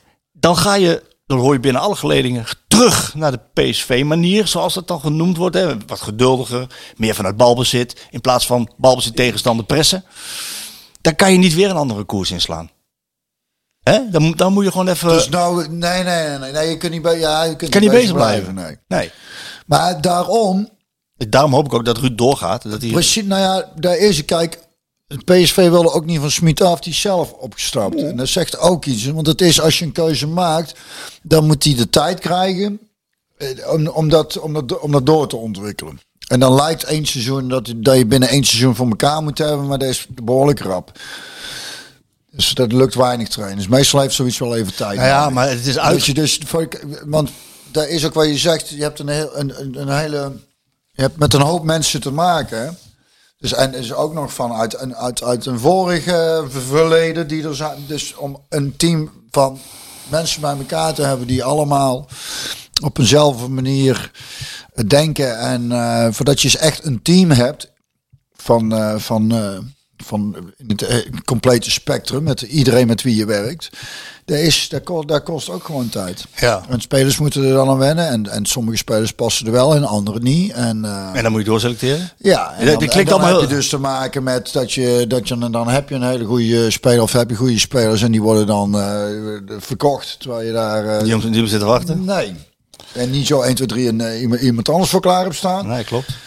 Dus het is, het is makkelijk voor ons om te oordelen van ja de resultaten zijn. Nee, wij nemen alles mee. Dat moet je, dat moet je me wel Nee, maken. ben ik, Oké. ben ik met jou eens. Daar Ben ik met, maar we, ik bedoel, we, we als supporters, als, ja. als, als mensen die er van de buitenaf naar, naar kijken. Hè. Wij, wij, zijn, wij zijn natuurlijk heel erg genuanceerd, Marco. Wij weten precies, wij zeggen altijd de goede dingen.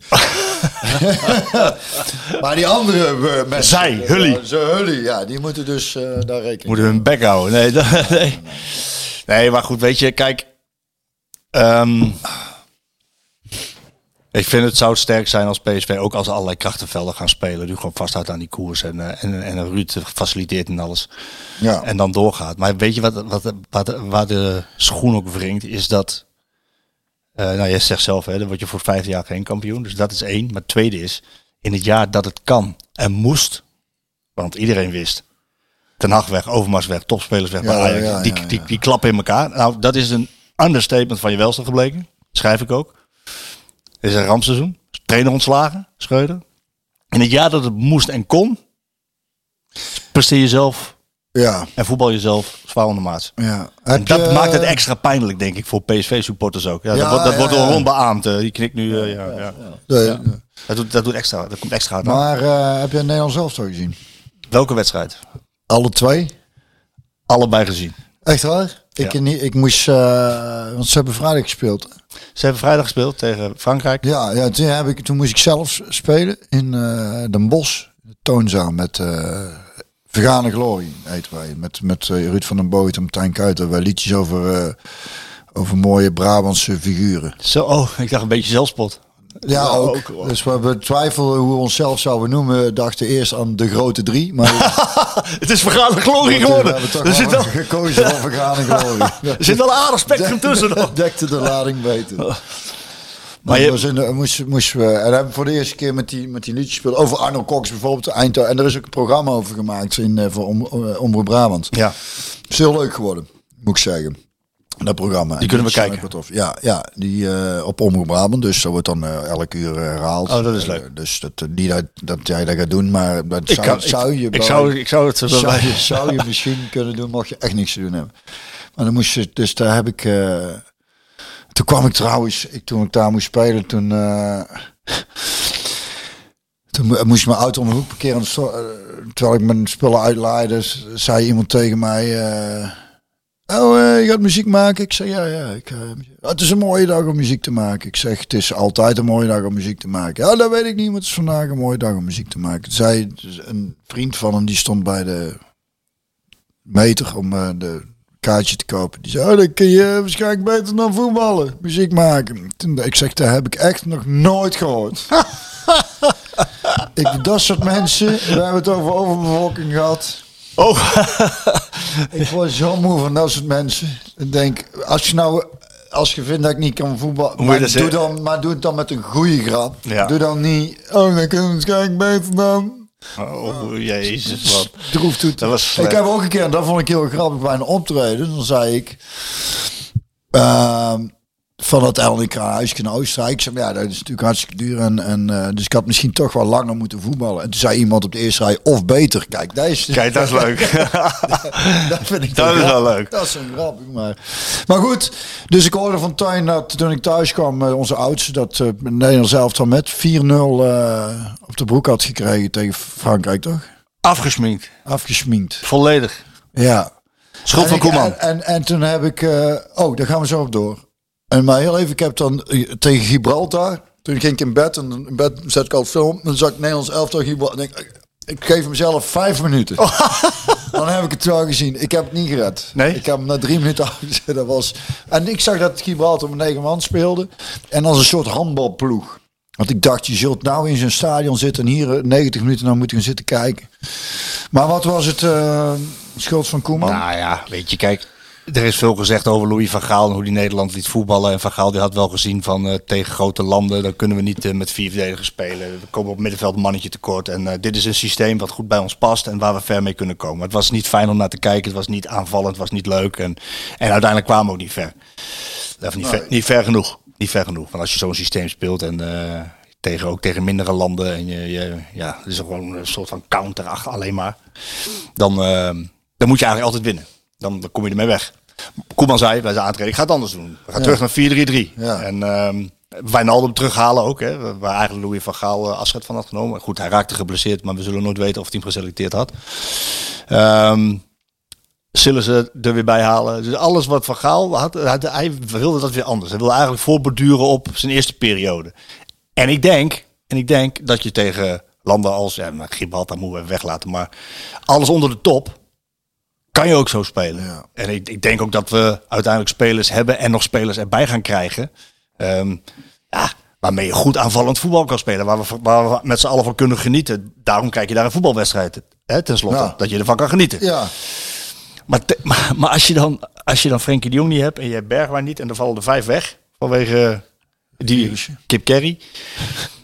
En, eh, en je houdt dan vast aan dit systeem en je stelt Taylor op, die bij Ajax aan een heel moeilijk seizoen bezig is. Ja, dan, dan is het vragen om problemen. Dan is het echt vragen om problemen. Waarom? Je kan je namelijk zelf heel goed verantwoorden als je tegen een topland als Frankrijk met, met zoveel klassenspelers voorin.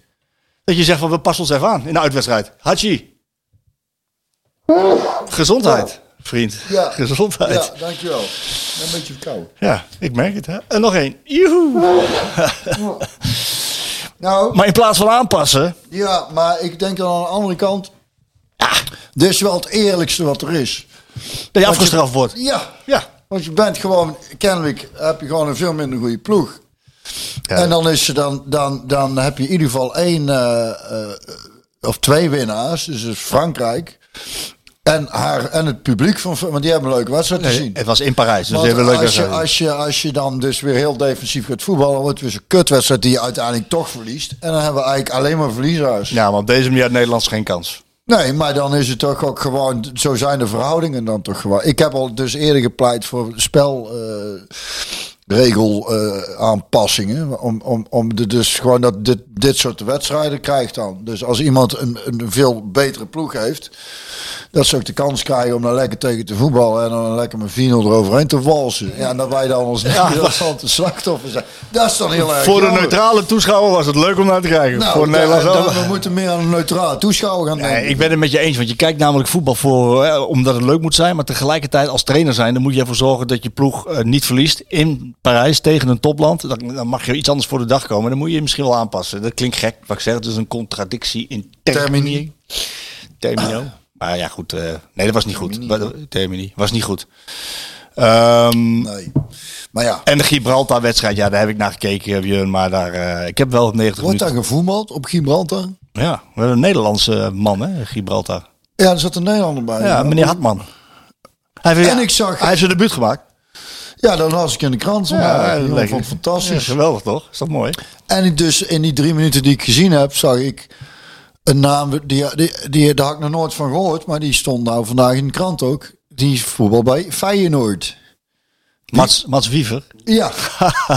ja, ik zou, ik, Dit is, een- dit is een, dit is een, eh, een, een non-verbale schop tegen je scheen eigenlijk. Hè? Dit, eh, hoezo? Maar Wiever is de man waar het om draait bij Feyenoord. Ja, hè? dat weet ik niet. Ik Ja, volg dat niet. Mats Maar, Wiever? Nee, Wiever komt uit de Borne. ja, maar ik las het en ik vind het leuk. Zo'n jongen, zo'n Laboe, die speelde nog bij Excelsior vorig, vorig seizoen. Of Ja, was het? Een, een jaar geleden speelde hij in de keukenkampioen-divisie. Nou, en hoe het dan gaat, want dat vind ik dan mooi. Eh, bij Feyenoord hadden ze, eh, was er sprake van dat ze die andere jongen van Twente, of die jongen van Twente zouden halen. Die, Saruki. ja, en als ze dat gedaan hadden, dan had hij waarschijnlijk niet, Niet gespeeld. Nee. Hoe mooi het is dat hoe dingen lopen. En dat het dan mooi is voor zo'n jongen. Ik vond vooral mooi hoe het afsloot. eh, Het, eh, het interview. Heb je het gelezen, Sjoerd, of niet? Zo, ja, het stond in het, het Eindhoven Dagblad. Dus dat is denk ik AD. dan. AD, ja. ja. Uh, aan D heb ik wel iets gelezen over Wiever, ja. Ja, en maar dan sloten ze af of hij dan nog ergens... zo- Nou, op het moment maakt hij zich nou eigenlijk nergens zorgen over. Nee, Ik maar dat, is voor- eh, Wiever, ja. De, de Ja. interviews zijn nog niet eh, spetterend. Nee, maar maar dat ik maakt het ook wel mooi. Hij, hij is... Hij is eh, schouders, houdt, haalt zijn schouders op. Ah, ja, hij is, hij, is, hij is een nuchtere jongen uit het oosten. Hij komt uit Borne. En, en, en Neo uit Borne had twee internationals. Hè, met eh, Ja. Woutje Weghorst. Ja, die had hem nog getraind, las ik. En, eh, Wel het uiterste, Wout Weghorst. ja. en, en ja, die is heel uitgesproken bedoel je. Ja, heel, heel uitgesproken. En eh, juicht eh, iets eh, meer over ja, als Wiever. En, eh, maar Wiever, die, eh, die maakt zich nergens, om, nergens druk om. En, en- Leuk. Komt helemaal niet... eh, komt helemaal niet in paniek. Die Als jongen hij de die, Champions League wint, dan doet hij één vuist in de lucht. ja, Eh, misschien. Ja. Misschien. misschien. hoe, Maar heel kort. Ja. Heel kort. Maar, heel kort. Eh, Maar ik ben wel heel nieuwsgierig waar deze jongen gaat eindigen. Want als je ziet hoe hij voetbalt, alles naar voren, één keer raken, twee keer raken, Ja? nooit in paniek. Nooit in paniek. Goed in de tackles, goed in de duels, ballen Hij veroveren. heeft tegen Frankrijk niet meegedaan. Hè? Nee, het deed niet mee, want hij was ook eh, nog een beetje misselijk van die eh Ja, het is toch vooral... eh, ja. Tempo was wel een beetje lastig aan het begin, zag je. ja, dat zag Van je. Nederland zelf al. Maar hij, hij zei, dat vond ik wel een goeie, dat hij zei van, eh, dat hij het lastiger vond voetbal, of vervelend vond voetbal tegen zo'n omdat je zoveel tijd krijgt. Hij heeft liever dat Ja. de tegenstander iets doet. Ja, Dat creëert ook mogelijkheden. ruimte. Ja, en nou sta je dus inderdaad tegen zo'n handbalteam. eh, Er was niks aan. Het was niet leuk om naar te kijken, maar dat zie je bijvoorbeeld uh, Ruud Gullit. moest jij dan, kijk jij dat dan voor je, voor je vak of omdat je gewoon als liefhebber? Nee, beide. nee, ik moet dat wel zien natuurlijk. Ja, ja. En eh, ik heb met mijn zoontje gekeken. En ja, die, die was niet zo onder de indruk. Die vond ook allemaal prima. Die ging volgens mij op een gegeven moment ook gamen. Ze vond het allemaal best. Maar Ja. dat was ook... Wat, wat- moet je ervan zeggen, man? Je, je- ze staan met, eh, met die... Nederlands elftal, die heeft dan zes mensen in de 16. Zij hebben de 10 in de 16. Er zijn 16 mensen. Dan komen de ballen van de flanken die niet altijd goed zijn. En, en die ballen worden weggekopt. Dat is een beetje spelbeeld. Ja. En uiteindelijk win je 3-0. En eigenlijk moet helemaal niet over die wedstrijd hebben. Nederland, Nee. Nederland zit onder, onder de toplanden. Zit Nederland. En daar moeten we ons op richten. En that's it. En dan de harde kritiek van Ruud Gullit en Marco van Basten op Virgil van Dijk. Naar aanleiding van deze wedstrijd denk ik, jongen, jongen, Ja? jongen.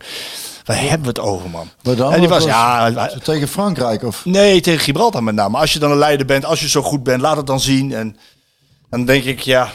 Omdat, kijk, ze willen dat Nederland zelf al wint met 6, 7, 8, 9, 0 van Gibraltar. Ja, En dat zou, het zou ook best wel een normale uitslag zijn, 6-0. Weet Ja. je? En dat dat dan niet gebeurt. Maar je, hey, je hebt verloren van Frankrijk. Dat werkt nog even door, hè? Helemaal de manier waarop. Nou, dan win je van Gibraltar 3-0 niet meer over hebben, joh. Maar dan om dan zo zijn leiderscapaciteiten te, ter discussie ik te vind die stellen. Van Dijk juist, en, en ik heb hem niet veel zien voetballen, maar toen dat met dat WK ook met, met een interview of zo, dan, dan vind ik hem, ik vind dat een hele prettige Ja, nou ja, goed. Het, het, jongen. En hij is, eh, is toch gewoon een hele goede speler. Zeker, is ik kan ook. er weinig over zeggen qua, maar zoals hij bij mij overkomt, vind ik dat echt een de, de, de- Maar ze hele nuchtere, gewoon slimme. Ze haalden Goeie genadeloos uit, hoor. Ja, dan vind ik raar. Nou ja, zo'n goed, nee, maar zij hebben natuurlijk wel iets gepresteerd in de voetballerij. Dus ik mag er wel naar luisteren. Alleen de manier waarop vond ik een beetje overdone. Ik heb het niet gezien, dus daar kan ik niks over Nee. Ik vind die van We gaan zo, eh, een- richting, een eh, goede, een goede uitstraling en een goede uitstraling, Ja. fijne vent. Maar Dat, eh, eh, het wordt wel heel erg leuk om te kijken en interessant om te kijken hoe Koeman dit voor elkaar gaat krijgen. Want, eh, ah, kijk. dag, schat. Is er weer. Kijk, is er wel zijn heel- twee tassen inderdaad. Ja. Eentje over de schouder. Niet alle, Eén over allebei de schouder, één in de hand. Ja, maakt er niet een- Met een, met een Sherpa. is Zij het. kijkt ook aan, waar gaat hij nou? Dit vindt ze altijd het leukste, denk ik. Vindt Als ze aangesproken wordt. aangesproken Ja. wordt. Ja. Ja.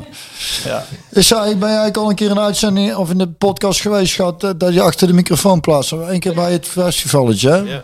Ja, Zullen we, zullen we, zullen Heel kort. Zullen we eens vaker, zullen we eens vaker doen? heel kort. Ja. En we gaan zo even op eh, VI Pro nog wat opnemen. eh, voor, Ja, dan eh, ze kunnen de worstenbroodjes erin, denk ik. Ik. Ik stond op punt om dat te gaan doen, maar ja, je jij, staat, jij staat nou al daar. Dus ja, het is onzin als ik daar ook nog naartoe kom dan. Zo gaat het dus echt. Rond die schub met hoofd. Zo gaat het dus echt. Ja, ik moet toch ook naar het toilet, dus dan... dan eh, Geef de microfoon even Ron, want die heeft iets meegenomen. Ron, eh, ja, ja, ja, ja, ja, Ron. Laten we eens even zien, jongen, wat ik mee heb genomen. Jij, eh, Ron, jij bent eh, een, eh, een supporter van de podcast. Van het eerste PSV-supporter uiteraard. Ja, dat sowieso. Ja. Maar eh, ja, je, je, je wilde wel eens kijken of het allemaal echt zo gaat zoals het Ja, gaat. of het misschien eh, te gemaakt is. Nee, nee, nee. Maar, Nou, wat zeg je? nee of het meer, meer gemaakt is, dan wel. eh, Maar, maar, maar, prima. maar, wat is je bevinding? Ja, het is toch geweldig, toch? Het is nog steeds hetzelfde, hè? Ja, dit is toch gewoon. Ja, Zoals het is. ja. Ja. en dat is het mooiste. En dan moet je ook gewoon zo houden ook. Dit is gewoon. Ja. Nou, is, zo. Ja, is, ja. is een goede tip. Gaan we ook doen. Ik had dit, je hebt iets meegenomen. Wat heb je daar? Iets, eh, doos vol, hè? Een mooie witte doos met... Daar eh, zijn we altijd gek op, hè? Cadeautjes. wat zit erin? kom eh, eh, eh, uit Breda. Ah. Oorspronkelijk uit Eindhoven, maar ik ben verhuisd Naar Breda. naar Breda. Ehm, het is een begrip, zeggen ze, In Breda. in Breda. Maar het kan ook uiteindelijk als je ophet een bedrog zijn. Oh, Ik weet dat eh Bjorn eh, van de Port is. Tony, lekker. Oeh, lekker zeg. Oh, port iedereen, van het eh, vat. Ah, dat is super lief, Ron. Nou, nou, nou. Ja, super lief. Oktober, Breda. Wat, wat ontzettend lief van je. Port van het vat, Dankjewel. Tony. Dankjewel. Dankjewel, jongen. Had niet Wilhelmina straat 52 Breda. Ja, we hadden het net over Breda ook een uh, dankjewel, jongen. Had echt niet, had niet gehoeven, Dankjewel. maar eh, en we zorgen dat hij opgaat dan bij het festivalletje. hè. Dan, dan, eh, bij deze ben je dan ook uitgenodigd. Kijk eens En aan. dan, eh, Hartstikke leuk. Gaan we er iets leuks van maken? ja, maar we hebben eigenlijk helemaal niet zo heel veel gasten gehad dit jaar. Hè? Weet ik Wel, niet. Wel minder. minder, hè? Nou, dan, Maar we eh, komen nodig, nog, nodig nog wat uit. Kan. Eh, ja, maar, Zullen we even tot slot over de wedstrijd tegen NEC hebben? Ja. Want, want we moeten even kijken. eh ja, PSV moet daar winnen. Om, om verdere druk te voorkomen, toch Ron? Ja, in ieder geval, dat denk ik wel. Maar ja, het, het is een beetje, je bent eh, de, de hoop ben je kwijt. Ja? Nou ja, het is, en dat is wel heel zorgelijk. Je maakt je gewoon zorgen om PSV. Zeker als PV-sporter. Ja. Omdat je geen, je ziet geen stijgende lijn. Het is, je merkt dat het een beetje loszand is. En er, er- ja, er zit geen, maar ja, dat, eh, iedere podcast hebben we er al over, denk ik. Of Ontwikkel- jullie erover. Dus je mist, en dat zie je bij Feyenoord, ik ben heel jaloers op Feyenoord en op AZ. AZ, ja. Je hebt een, een, een je ziet daar eh, de, de, de, de structuur, je- wat ze moeten doen. En ik mis bij PSV, mis ik gewoon, eh, ja, wat doen we nou eigenlijk? ja. En er is misschien maar vijf minuten in de wedstrijd. En dan is het weg. En tegen Vitesse inderdaad, ik vond het... Ik dacht echt van... Waar zit ik naar te kijken? En dan hebben we dan met Ja, je bent niet de enige. denk ik mij van...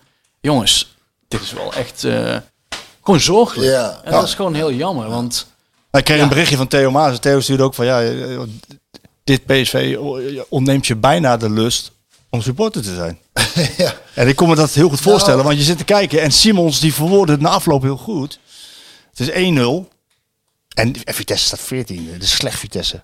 Ja. Dan moet je 2-0, 3-0 en Ja. misschien wel 4-0. Hij zei zelfs 4-0. Ja. Moet je doorgaan. Ja. Nee, dat, dat was helemaal was niet. Het was helemaal weg. Ja, en er is dan weinig om, daar, om op terug te vallen in de zin van, ondanks dat het slecht is, dat je weet gewoon van, nou ja, weet je, dan hebben we in ieder geval een soort basis of een soort fundament waar het moeilijk doorheen te voetballen is. En dan hebben we altijd wel iemand creatiefs die dan nog wel een bal binnenploft of zo. Eh, het, we, zakken dan echt door het ijs heen, eh, organisatorisch, en, en dan wordt het gewoon een puinhoop. En, en eh, dat heb ik nog niet eerder gevoeld zo. Snap je? Daar was het voor het eerst dit seizoen een beetje dat ik. Ik, daar had, ik had daar vooral toen bij, waar was daar Emma uit volgens mij. Dat ik daar, dat ik, daar was ik echt, dat voor het eerst dat ik dacht, poeh. Ik begin me nou toch een beetje zorgen te maken of wij wel bij de eerste twee gaan eindigen. En, en maar ja, goed, wat ik zeg, het, het kan ook weer zomaar zijn dat, eh, of dat zeg ik niet, maar dat zeg ik nu dus, dat, dat, dat, dat, zondag vrij, zondag is, nee Zaterdag. zaterdag, vrij eenvoudig, stond eerst op zondag die wedstrijd, maar dat is dan zaterdag verplaatst. Eh, misschien wel vrij eenvoudig de wind, zou zomaar kunnen. Alleen je merkt gewoon aan de, aan de supporters van... eh, er, Ja, is ja. Weinig, er is weinig vertrouwen. Nou, hoop, weinig hoop. Maar ja, als ik dan zelfs hoor bij dat, dat, dat onze Feyenoord supporters al...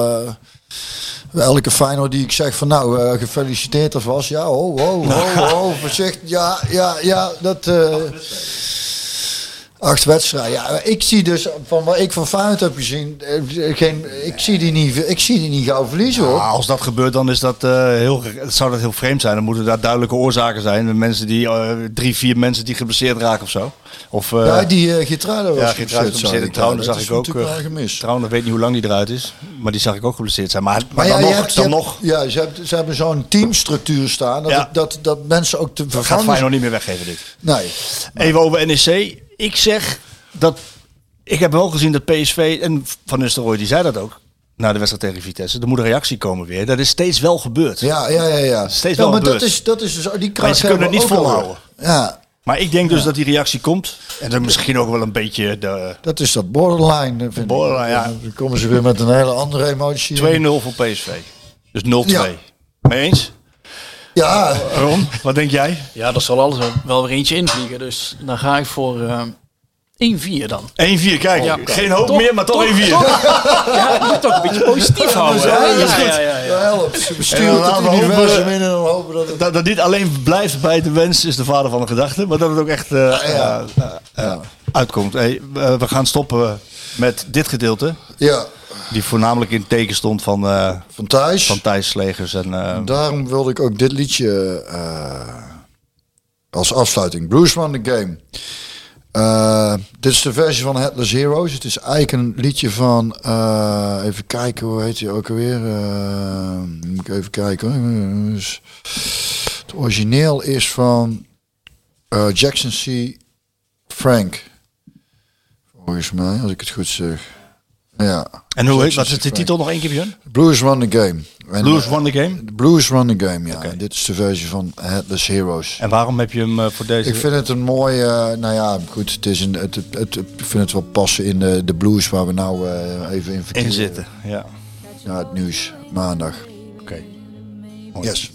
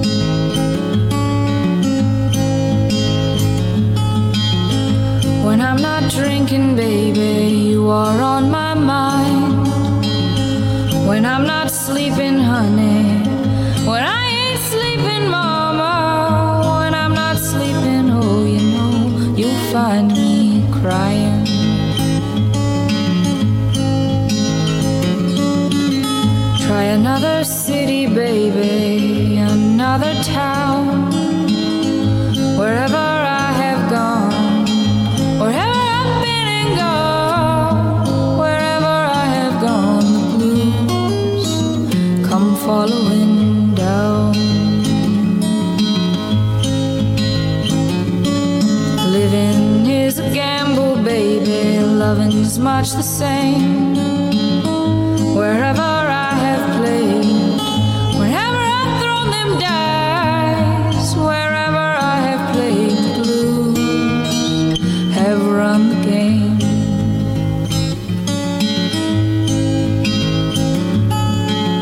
Maybe tomorrow, honey, someplace down the line, I'll wake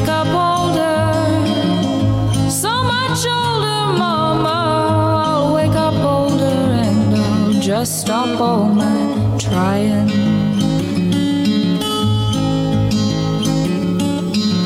Catch a boat to